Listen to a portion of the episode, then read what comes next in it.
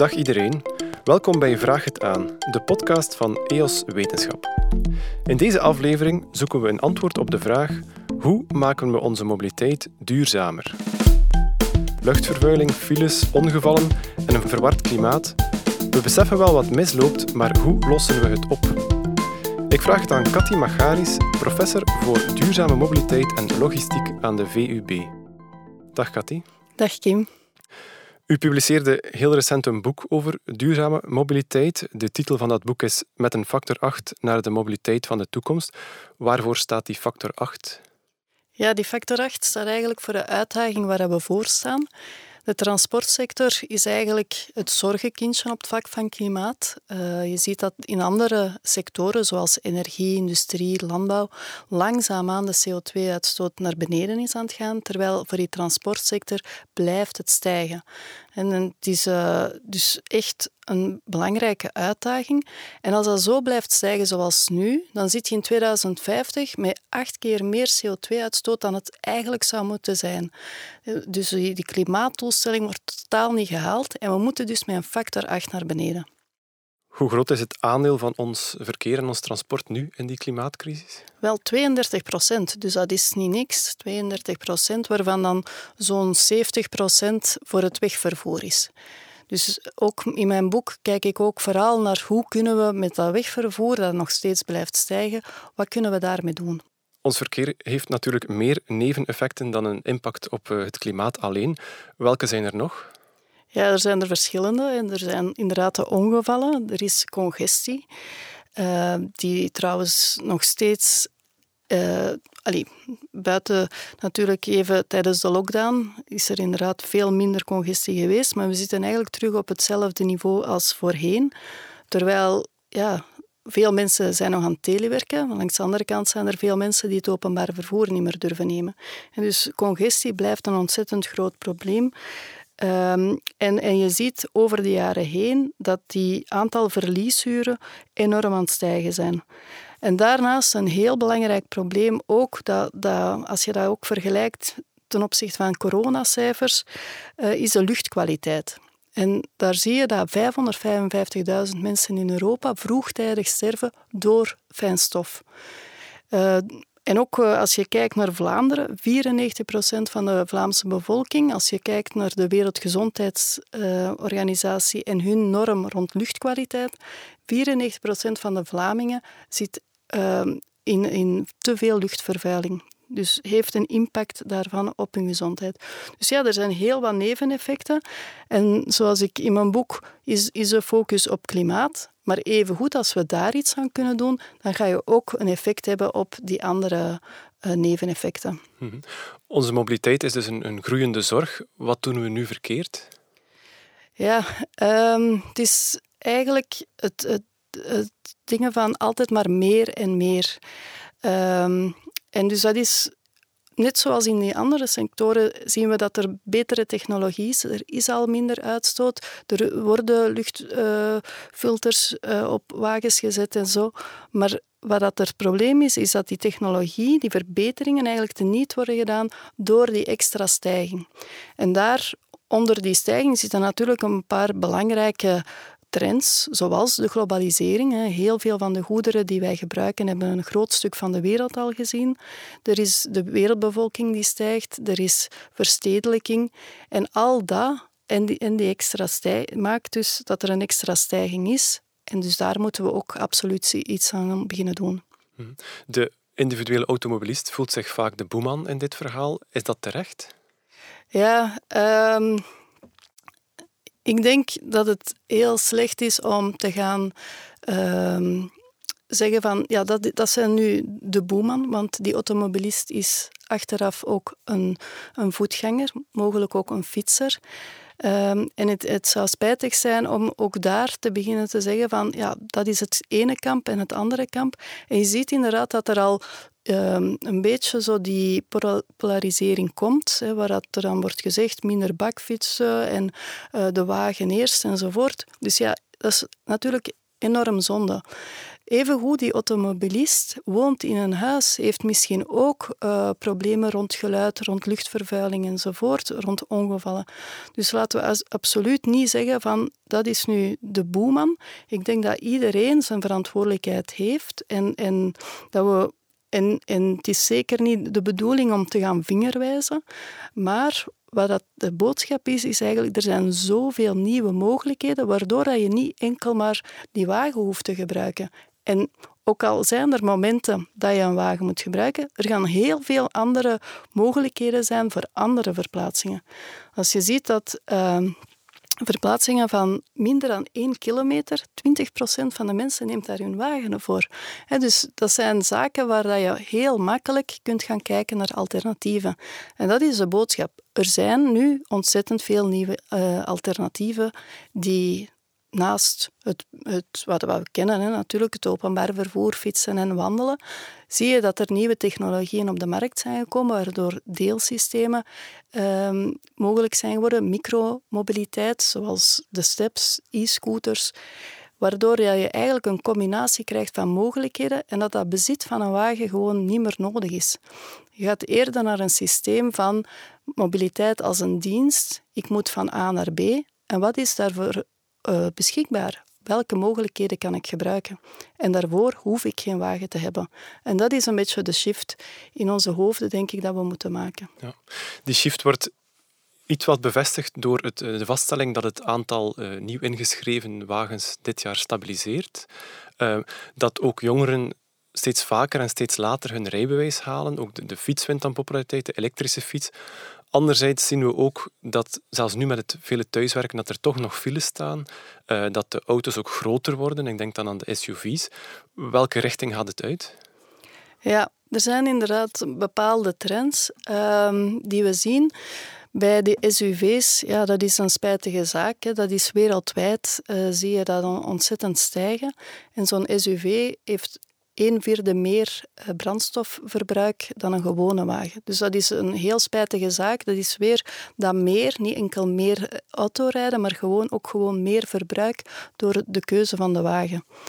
Ehm, dus ja, daar, moet het beleid absoluut iets rond doen in de fiscaliteit, in de belasting voor inverkeersstelling, zodanig dat zulke wagens uh, niet meer zo gegeerd zijn en dat je echt gaat sturen naar duurzamere uh, keuzes.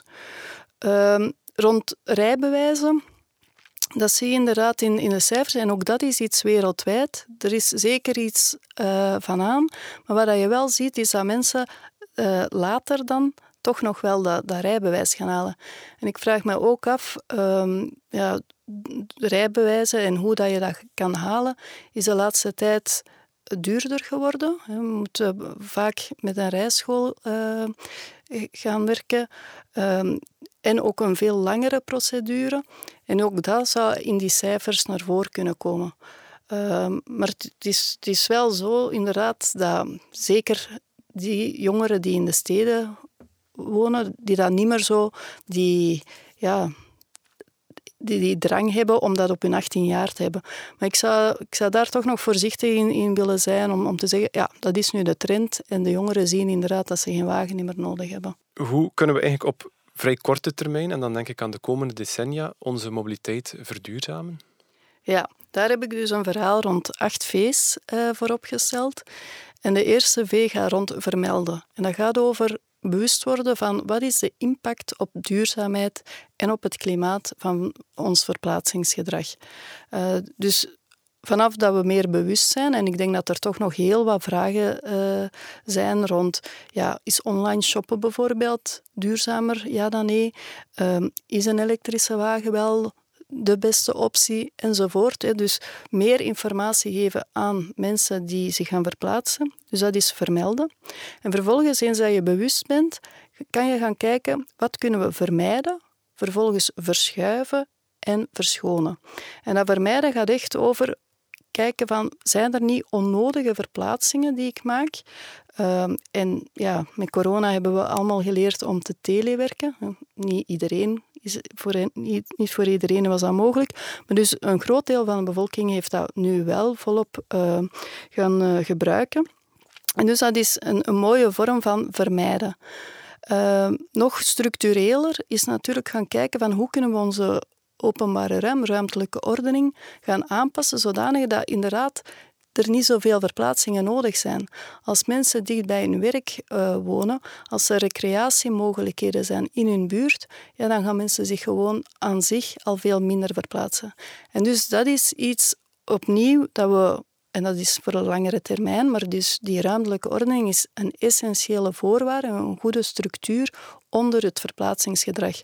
En daar zitten we op dit ogenblik in Vlaanderen natuurlijk ja, met een totale versnippering, waardoor ook een goed openbaar vervoerssysteem heel moeilijk is om performant uh, met grote hoeveelheden mensen te kunnen vervoeren. Dus daar moet absoluut ook op gewerkt worden om echt aan de basis zaken te gaan vermijden. Ook bij het goederenvervoer, hetzelfde principe.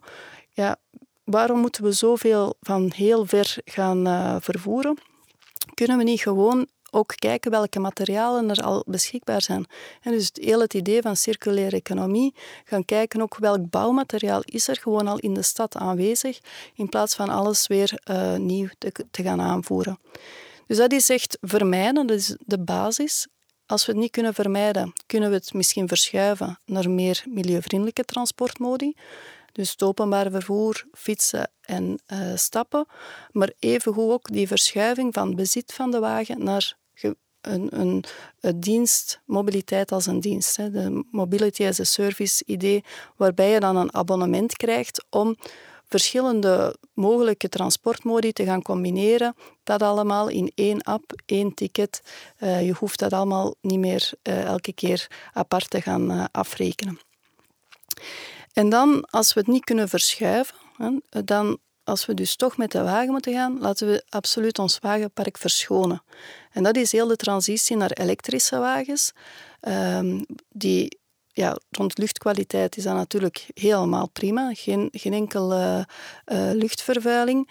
Um, maar voor het klimaat is dat 2,5 keer beter als je over de hele levenscyclus kijkt van een elektrische wagen ten opzichte van een benzine- en dieselwagen. 2,5 keer beter. En dus we moeten absoluut, als er dan toch wagens zijn, naar uh, die elektrische wagens. Dus dat zijn de, de belangrijkste zaken dat we moeten doen. Vermijden, verschuiven en verschonen.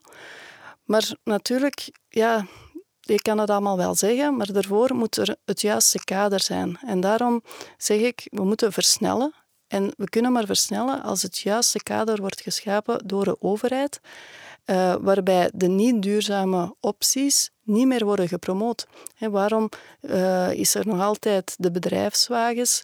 Waarom uh, zitten we ook nog altijd te betalen met een vast bedrag voor de wagen, terwijl dat het variabel is hoe dat we vervuilen. Dus we moeten absoluut gaan naar een slimme kilometerheffing. En we moeten ook absoluut investeren in die alternatieven. Zorgen dat het openbare vervoer echt een, een interessante uh, ja, de structuur geeft van ons nieuwe mobiliteitssysteem, waarop dat je dan al die nieuwe technologieën kunt enten en ook die combinatie met fietsen en wandelen absoluut moet verbeteren. Dus dat is echt versnellen, het juiste kader en niet meer ja, die niet uh, duurzame opties blijven stimuleren. Um, en dan is er natuurlijk ook verbinden, want sommige mensen, denk ook aan de gele hesjesbeweging, uh, ja, voor sommige mensen zal het niet zo eenvoudig zijn om die overstap te maken naar die nieuwe technologieën. Voor een deelwagen, uh, de nieuwe type deelwagens, heb je al een creditkaart nodig, een, een gsm enzovoort. Dus hoe kunnen we ma maken dat het systeem inclusief is? En daarvoor moeten we mensen dus verbinden. Echt uh, die verbinding maken, kijken voor alle actoren, hoe kunnen we maken dat het een inclusief systeem is. En dan is er ons eigen gedrag. En dat is dan de V van veranderen. En uh, ja, dat is vaak een moeilijke, uh, maar even goed nodig. Uh, en wat ik daar eigenlijk belangrijk vind, is, is vaak weten mensen wel van dit is meer duurzaam dan het andere. Ehm, maar dat weten alleen is onvoldoende. er is ook nog eh, echt alle emoties die bij verandering teweeg uh, worden gebracht en waar we ook moeten mee rekening houden. vaak zijn mensen van, ja, wat als ik het openbaar vervoer gebruik en ga ik mijn weg wel terugvinden? Wat als ik met een elektrische wagen rijd? Uh, hoe, hoe gaat dat met dat opladen en, en waar kan ik dan opladen?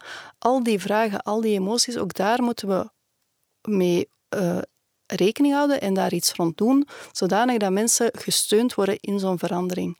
En ten derde bij veranderen, het is het weten, de emoties, maar vooral het nieuwe pad moet gewoon makkelijker zijn dan het vorige pad. En dus dat is heel het ding van de overheid, moet gewoon zorgen dat het evident is dat we kiezen voor die duurzame opties. Dus dat is eigenlijk het hele verhaal rond ja, hoe kunnen we gaan naar een duurzamer mobiliteitssysteem. En dan ja, sluit ik af met een laatste V, um, maar die gaan we straks nog uh, ter sprake brengen. Die eh, houden we inderdaad voor het laatste. Dan kunnen de mensen nog eventjes in uh, ongeduld afwachten op die laatste V. Heel wat van de zaken die u net aanhaalde, um, een aantal concrete dingen leerden we kennen tijdens nu de, de lockdown en de coronacrisis, het thuiswerken, de essentiële verplaatsing, het vaker fietsen. Kan die crisis een, een hefboom zijn om, om die verduurzaming te, te duwen? Ja, absoluut. Dus uh, ik uh, ben heel hoopvol. Uh, een crisis is, vaak een moment waar mensen uh, nieuwe zaken aanleren. waar ook politici andere maatregelen beginnen te nemen. En bijvoorbeeld de reactie in Brussel op die coronacrisis is een mooi voorbeeld waar men heeft beseft, we hebben te weinig openbare ruimte in onze stad. Ehm, er is ook onvoldoende plaats op de fietspaden. En dus op een heel korte tijd zijn er 40 kilometer meer fietspaden aangelegd. Er zijn woonerven aangelegd.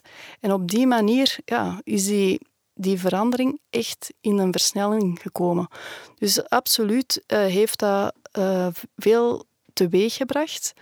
Uh, er zijn ook heel wat parallellen te maken met de coronacrisis en ja, hoe dat er met klimaat wordt omgegaan.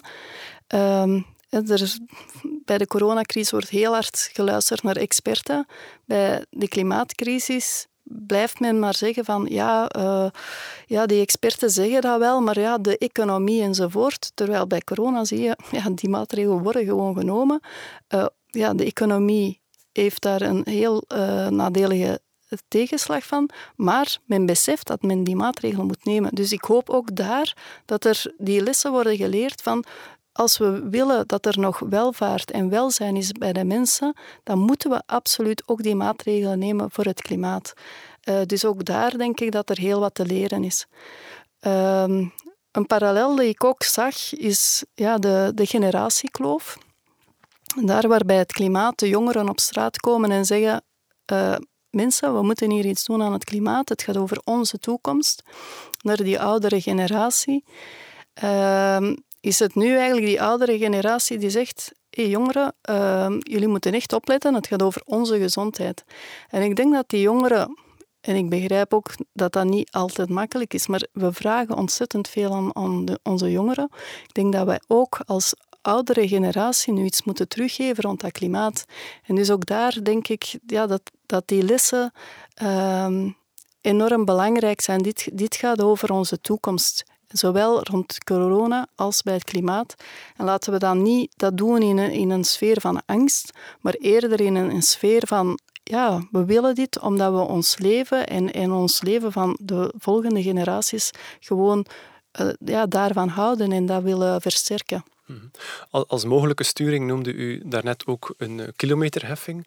Uh, dat is al eens geprobeerd, of daar is al eens over gesproken. Is de tijd er nu wel rijp voor, misschien net door die crisis? Ja, de, de kilometerheffing, er is al heel uh, lang dat men daarover studeert. Um, maar dus, ja, en twee jaar geleden is het dan plots toch weer afgevoerd, omdat het politiek uh, niet haalbaar bleek of, of leek. Um, ik denk absoluut dat die kilometerheffing een belangrijk element is. Dat is niet het element, maar een heel belangrijk element. Men heeft nu ook studies gemaakt om te zien van... Uh, ja, als we inderdaad onze klimaatdoelstelling willen halen, dan is die kilometerheffing essentieel. En waarom is dat essentieel? Omdat je eigenlijk gewoon rechtvaardig aanbrengt van wat zijn nu die externe kosten voor onze maatschappij. En dat gaat over klimaat, maar dat gaat ook over die luchtkwaliteit, ongevallen, congestie enzovoort. En die kosten die zitten nu niet in de prijs van transport, maar worden wel door de maatschappij betaald. Dus er zijn gezondheidskosten, er zijn uh, tijdsverliezen enzovoort. Dus als je dat mee in de prijs inbrengt, ja, dan krijg je gewoon vanuit economisch standpunt meer welvaart. Omdat je gewoon laat betalen voor wat dat er vervuild wordt. En dus ehm, er is natuurlijk een hele kwestie ook van, ja, maar is dat dan sociaal? En inderdaad, nu door corona zijn er bevolkingsgroepen die het al super moeilijk hebben. Um, er zijn ook in die studies met die zaken rekening gehouden. En men ziet eigenlijk dat um, dankzij die inkomsten van zo'n kilometerheffing kan je ook een taxshift gaan uh, doorvoeren, waardoor de inkomensongelijkheden weer verminderen. Je zou ook andere uh, zaken kunnen doen om ja, net die mensen die absoluut afhankelijk zijn van hun wagen, om daar bepaalde compensaties aan, aan te geven. Maar in het algemeen ja, is, is dat wel uh, de sturende factor waardoor de juiste keuzes worden gemaakt. want in zo'n kilometerheffing gaat ook gekeken worden welk type wagen is het, hoe milieuvriendelijk is die. En dus ook daar naar, naar aankoop van type wagens gaat dat ontzettend sturend worden. Dus ik, ik denk absoluut dat dat uh, moet gebeuren. En ik denk ook dat er een, een beetje een verkeerde perceptie is van ah ja, dat gaat nu al voor iedereen meer kosten. En dus uh, wat je ziet is dat mensen die minder dan 17.000 kilometer per jaar rijden, die, die gaan daarbij winnen. Ja? En ja, dat hangt natuurlijk ook af van wanneer rijd je. Is dat vooral tijdens uh, de, de piek, maar misschien kan je dat ook gaan vermijden. Waar woon je? Hè? Is dat dan vooral in, in een stedelijke omgeving of op het platteland? Dus er zitten verschillende elementen waar je zelf ook wel een bepaalde beslissingskracht over hebt. Dus ja, ik, uh, ik denk dat we er absoluut uh, mee moeten starten. Mm -hmm. Nog zo'n heikel thema, de bedrijfswagen. Moet die weg? Ja, op termijn moet die absoluut weg. uh, eigenlijk door die bedrijfswagens heeft de overheid 2,3 miljard euro minder inkomsten. Dus uh, er worden zoveel euro's minder uh, geïnd. Um, en ik zeg op termijn, want eigenlijk zijn die, elektrisch, uh, zijn die bedrijfswagens ook een heel mooie hefboom om die transitie naar elektrische wagens um, te maken. En dus ik, ik uh, zou ervoor pleiten, en bovendien nu in het uh, federale regeerakkoord staat het ook, dat men in 2026, voor mijn part had dat nog veel sneller kunnen gebeuren, maar dus vanaf dan ga je enkel nog emissievrije bedrijfswagens hebben. Uh, en, en dat is een goede zaak, hè, want ondertussen zijn 11,5% van ons wagenpark zijn bedrijfswagens.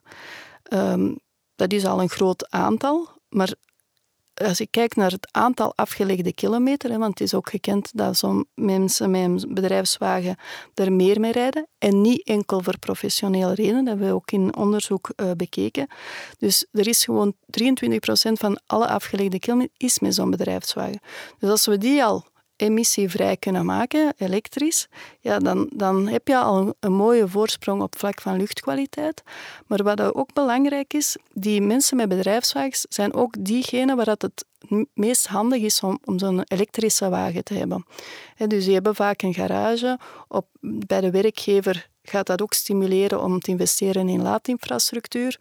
Ze gaan ehm, ook... Um, we hebben ook gezien van wat als je de bedrijfswagens afschaft, ja, dan gaat er ook nog een groot deel van die mensen een nieuwe wagen kopen. Misschien nog veel vervuilender dan hun bedrijfswagen.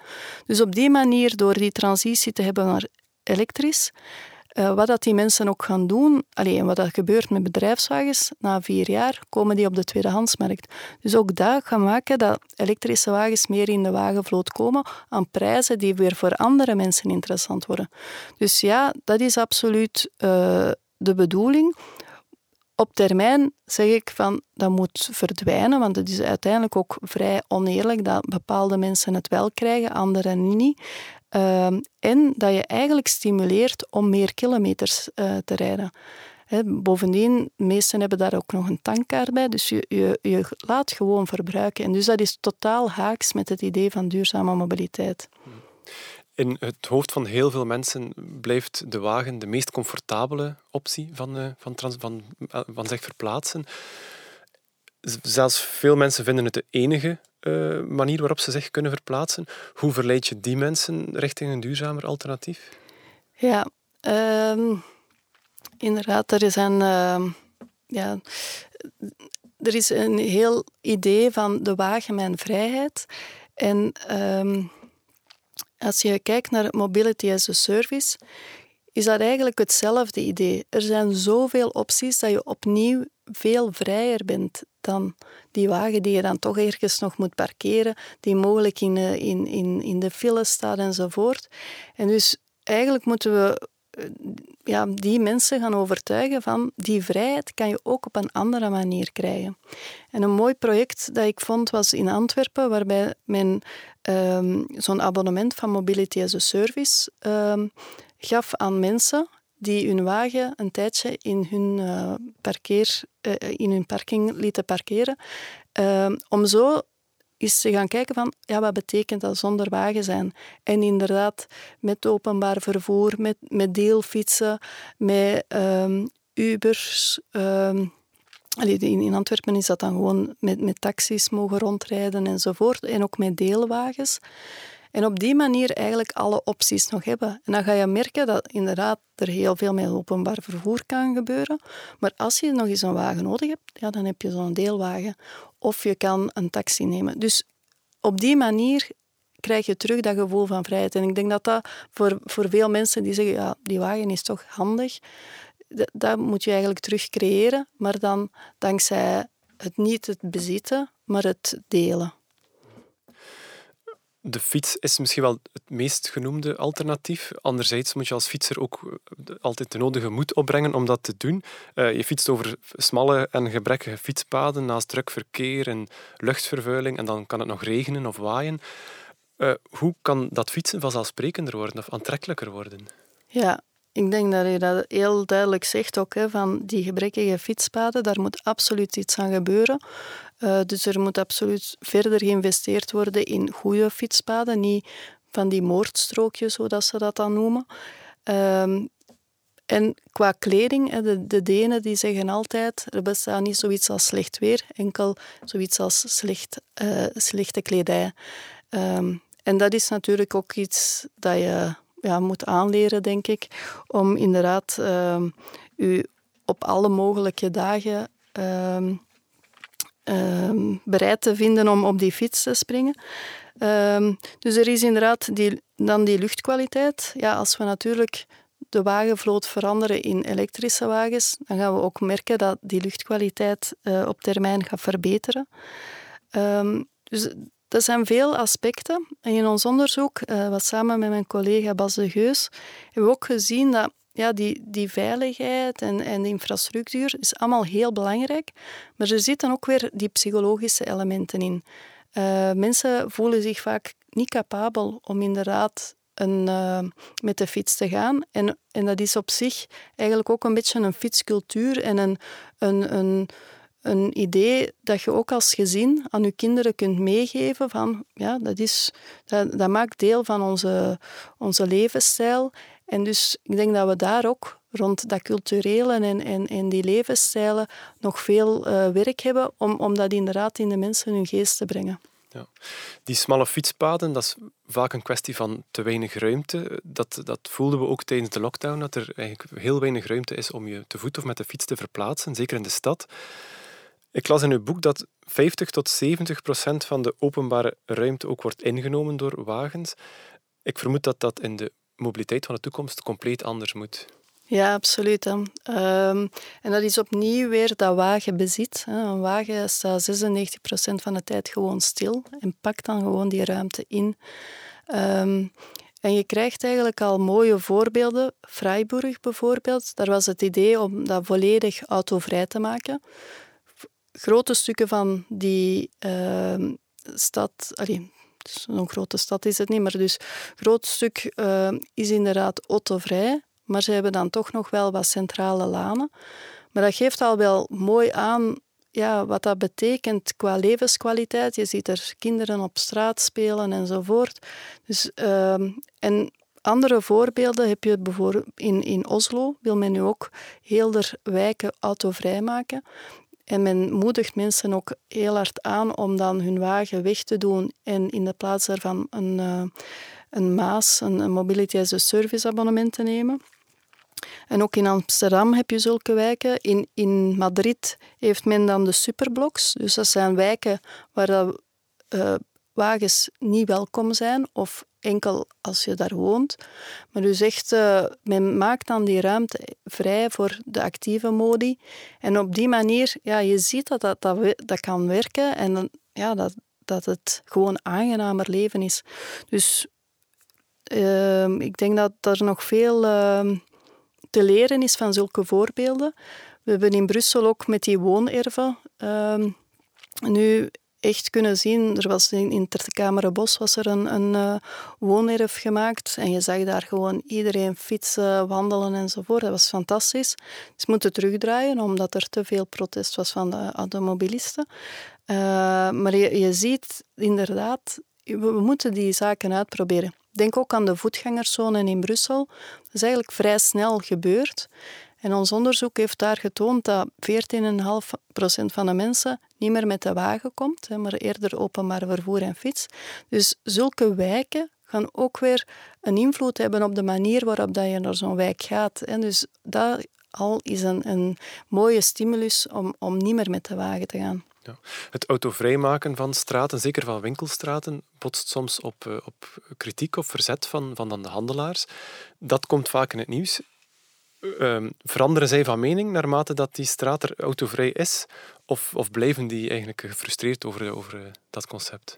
Ja, um, dus, we hebben dat heel hard uh, kunnen volgen met de voetgangerszone in, in Brussel.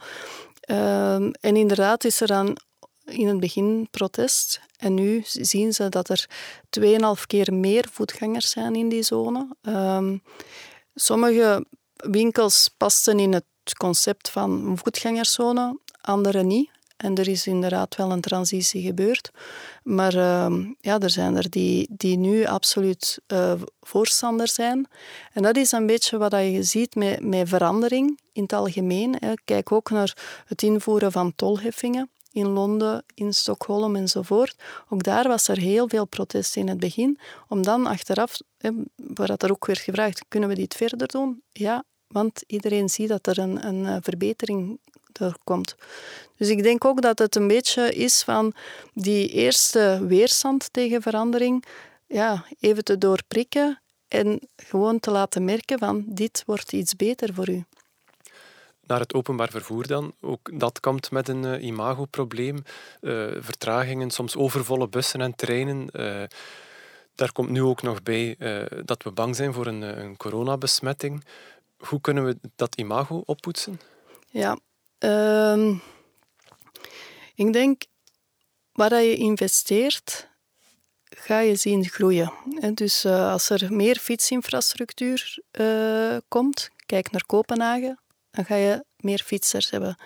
In Brussel heeft men enorm geïnvesteerd in openbaar vervoer en dan zie je ook dat uh, veel van de verplaatsingen binnen Brussel gewoon met dat openbaar vervoer gebeurt. Dus uh, wat er in Vlaanderen is gebeurd met de lijn, men heeft blijvend vertragingen, uh, minder uh, subsidies gegeven. Uh, ook voor het spoorvervoer is, is men de laatste tien jaar steeds ehm, restrictiever geworden. Ja, dan kan je niet verwachten dat inderdaad die kwaliteit en, en, en die ervaringen van gebruikers verbetert. Dus wat dat er moet gebeuren is inderdaad absoluut er meer in investeren. En de federale overheid heeft nu ook gezegd dat ze absoluut van plan zijn met het spoor.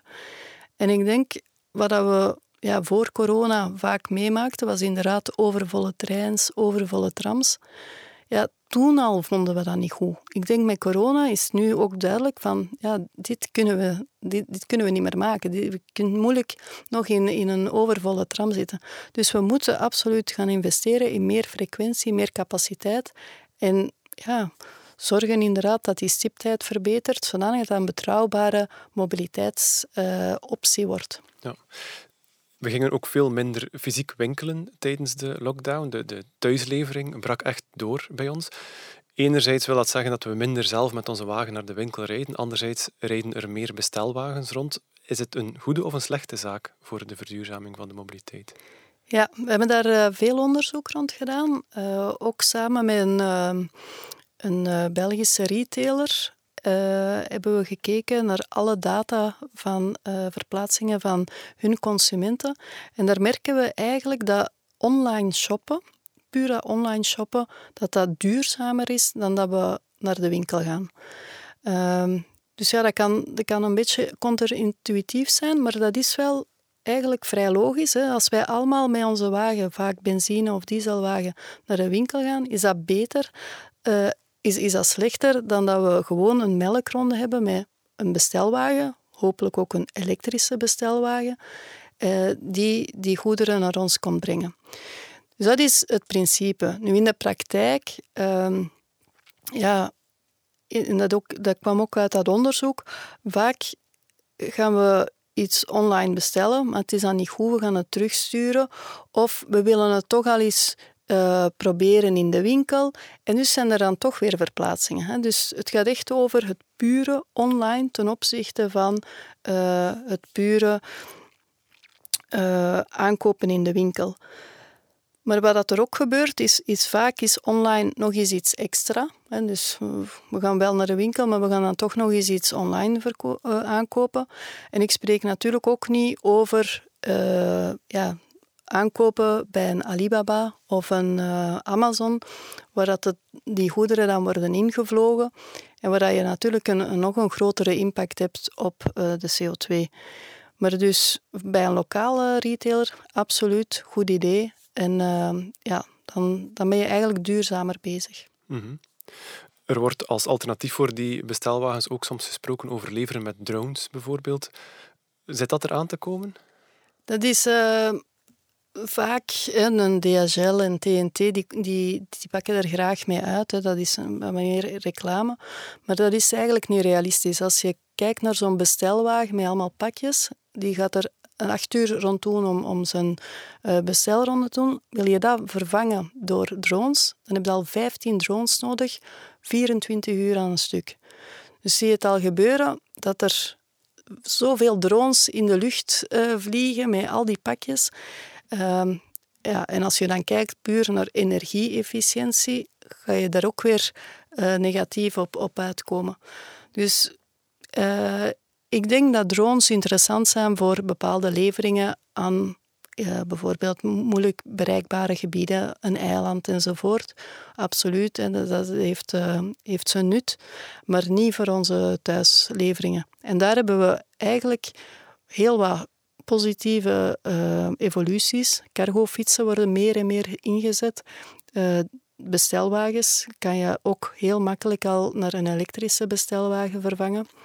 Dus ik zie daar eigenlijk een zero-emissie stadsdistributie. Dat is echt mogelijk tegen 2030. Als we inderdaad inzetten op cargofietsen en op, uh, op elektrische wagens, mogelijk in combinatie met stadsdistributiecentra. Maar die drones, ja, dat is ja, eigenlijk een, een leuk speeltje voor, velen. Uh, er wordt ook wel heel wat onderzoek rond gedaan. Ook nog uh, bij de Europese Commissie is men heel geïnteresseerd. Bijvoorbeeld rond drones voor personenvervoer.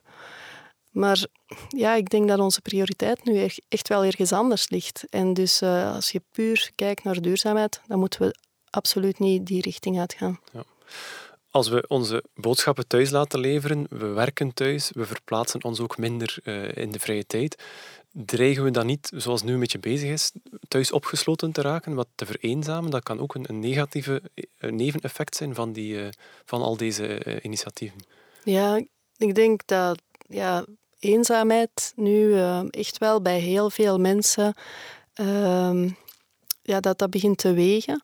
We merken dat ook bij onze medewerkers in de onderzoeksgroep. Ehm, vaak zijn dat internationale medewerkers die dan naar Brussel komen en dan uiteindelijk in een klein appartementje hun werk zitten te doen ehm, en nog niet een sociaal weefsel hebben.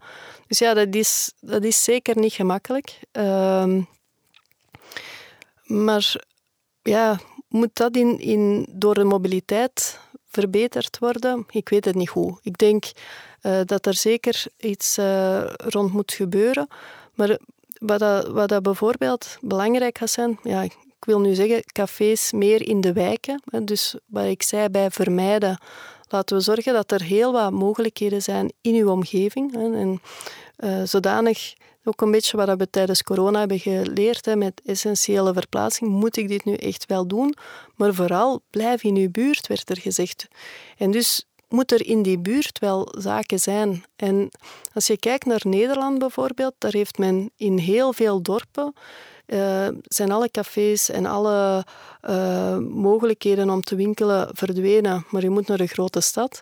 En dat heeft ook heel wat eenzaamheid opgebracht, omdat er niet meer lokaal, gewoon in uw nabijheid zaken gebeuren. En ik denk dat dat misschien ook weer een, een bewustwording is van hoe kunnen we inderdaad dat sociaal weefsel, maar dan lokaal, niet dat je weer heel hard moet gaan verplaatsen, door buurthuizen, door uh, sociale eventen in het lokale weefsel, mogelijk cafés meer op de hoek van de straat, terug uh, in, in dorpen en op die manier die vereenzaming uh, tegengaan.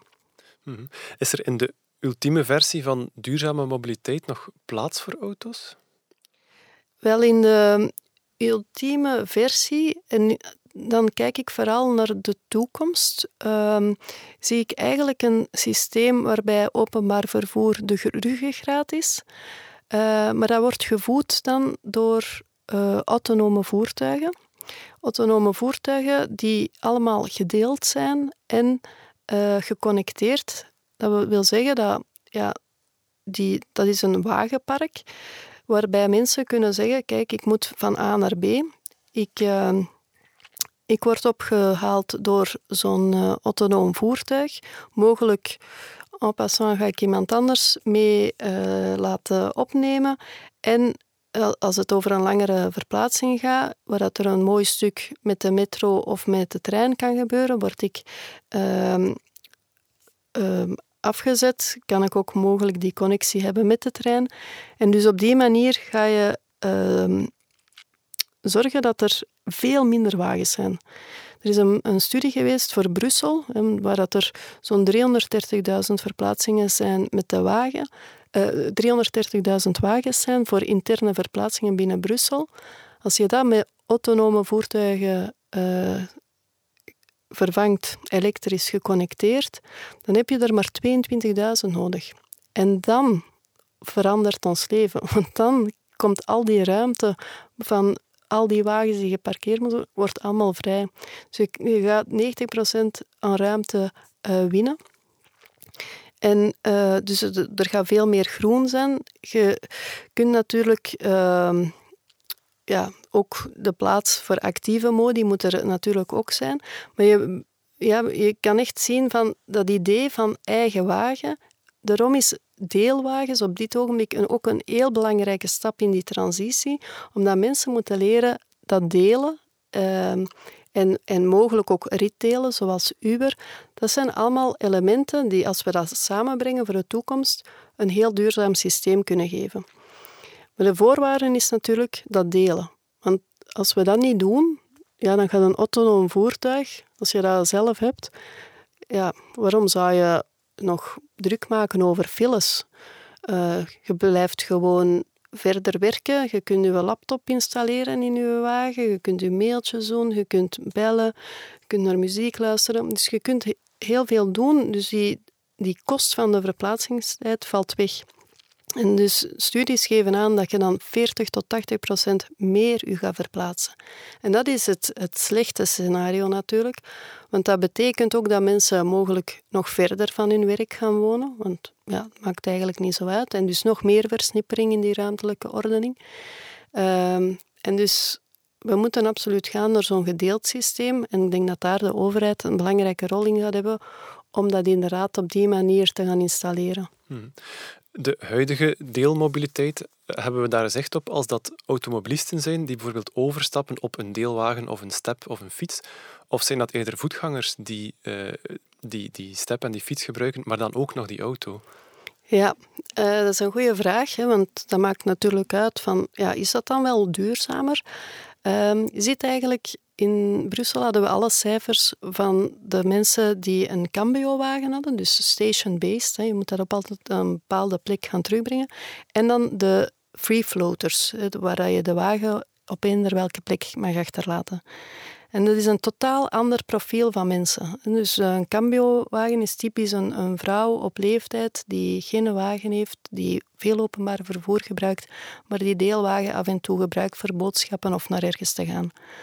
Die free floaters, dat zijn jonge mannen die al die technologische opties een keer willen uitproberen, hebben vaak al een wagen, maar willen nog de vrijheid van die optie hebben. Ehm, dat is natuurlijk het begin, hè, dat is de beginfase. Op zich is dat goed dat dat nieuwe bevolkingsgroepen aanspreekt. Uh, we moeten inderdaad gaan kijken, want we zien ook in de cijfers, ja, zo'n cambio-gebruikster, die gaat allicht meer openbaar vervoer gebruiken, maar die free floaters, die gaan in, in plaats van het openbaar vervoer gebruiken, inderdaad meer de wagen gebruiken. Hetzelfde bij de steps zien we ook dat uh, eh, 72% van de mensen die zo'n step gebruiken, uh, dat doen in plaats van het openbaar vervoer te gebruiken. En 45% van de mensen die gaan minder wandelen. Nu, op zich vind ik dat niet zo heel erg, want ja, minder uh, openbaar vervoer gebruiken, vaak ga je dan toch, allee, op zo'n step kun je niet kilometers uh, rijden.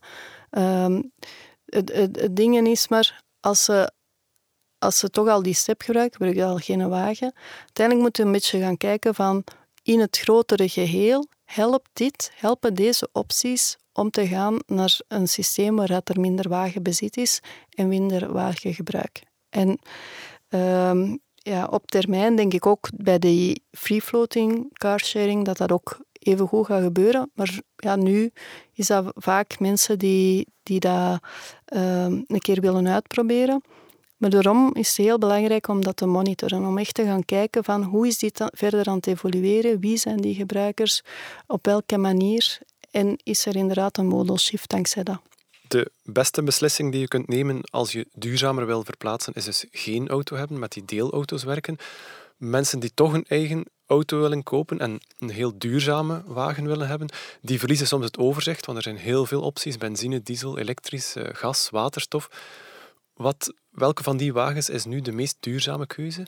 Ja, uh, op vlak van klimaat is een elektrische wagen absoluut de beste. Er is, uh, als we kijken naar de gehele levenscyclus, dus ook de productie van de wagen, ook de productie van de elektriciteit, dan gaat zo'n elektrische wagen 2,5 tot 3 keer beter zijn dan een uh, benzine- of dieselwagen.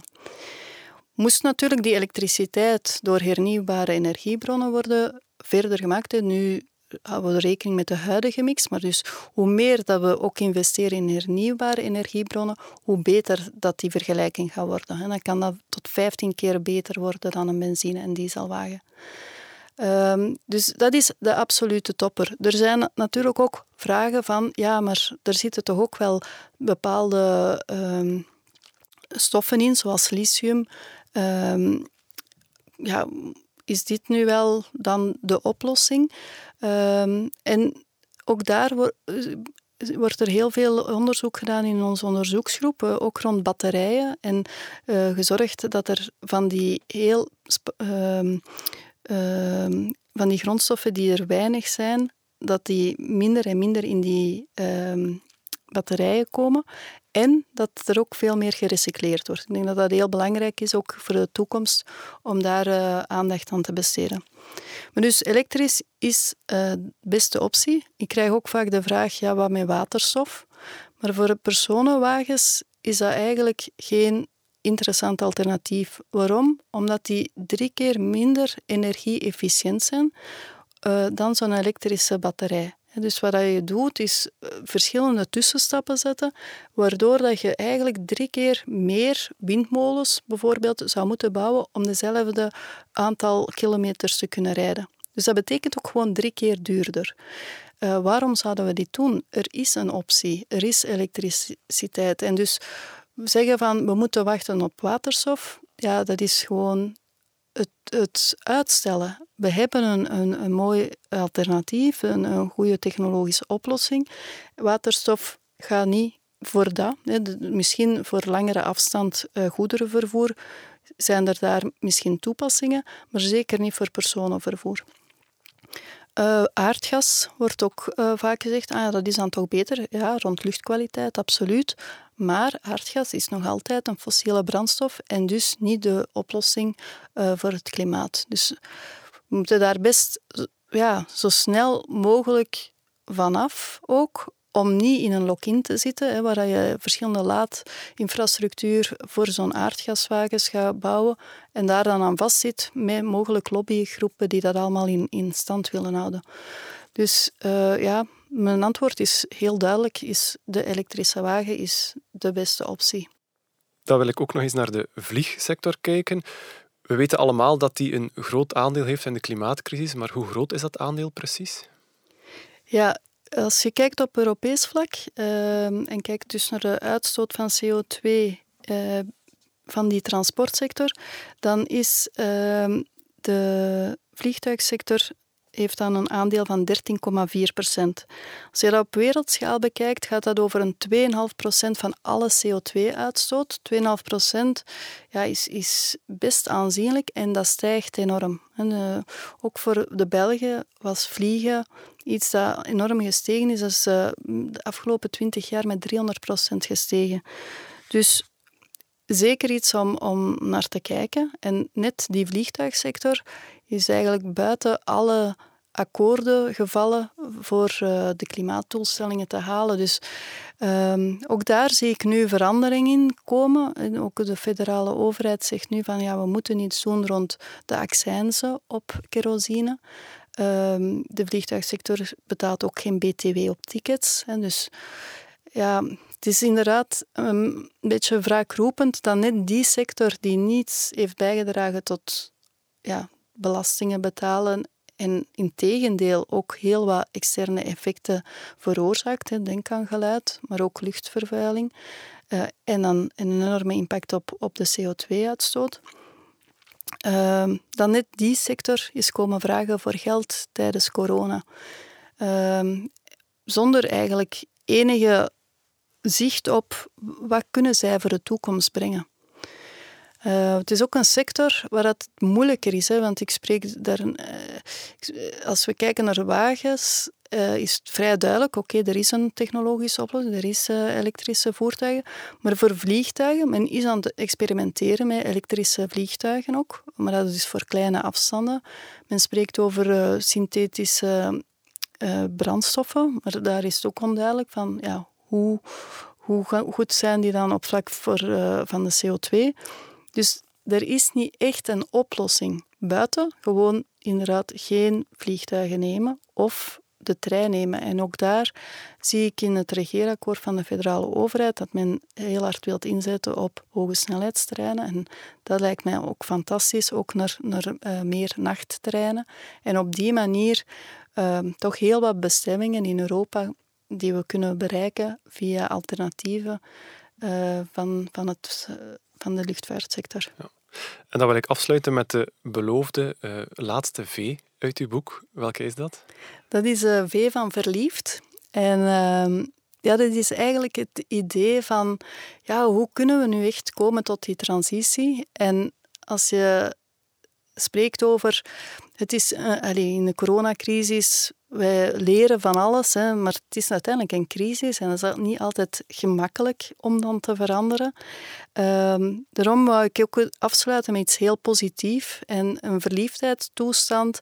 Ja, denk aan als je inderdaad verliefd bent op iemand, maar ook gewoon verliefd op het leven, dan kan je zoal eens zotte dingen doen, nieuwe dingen doen, uh, dat uitproberen, uh, er nieuwe energie van krijgen. En dat is een beetje de state of mind of state of being dat we zouden moeten hebben om inderdaad te gaan naar die transitie met een factor 8. Hè. Dus echt met, met een open geest en openstaan voor nieuwe zaken om gewoon meer welzijn in ons leven te hebben en, en ook voor de andere mensen. Ja, dat is een hoopvolle en eh, ambitieuze uh, afsluiter. Ik wil u heel hard bedanken voor de zeer interessante antwoorden. Ik wil jullie luisteraars ook bedanken voor het luisteren. Vond je deze podcast interessant? Deel hem dan gerust met de vrienden en familie. Wil je op de hoogte blijven van volgende afleveringen? Volg ons dan via www.eoswetenschap.eu en daar kunt u zich inschrijven op onze nieuwsbrief. Tot een volgende keer.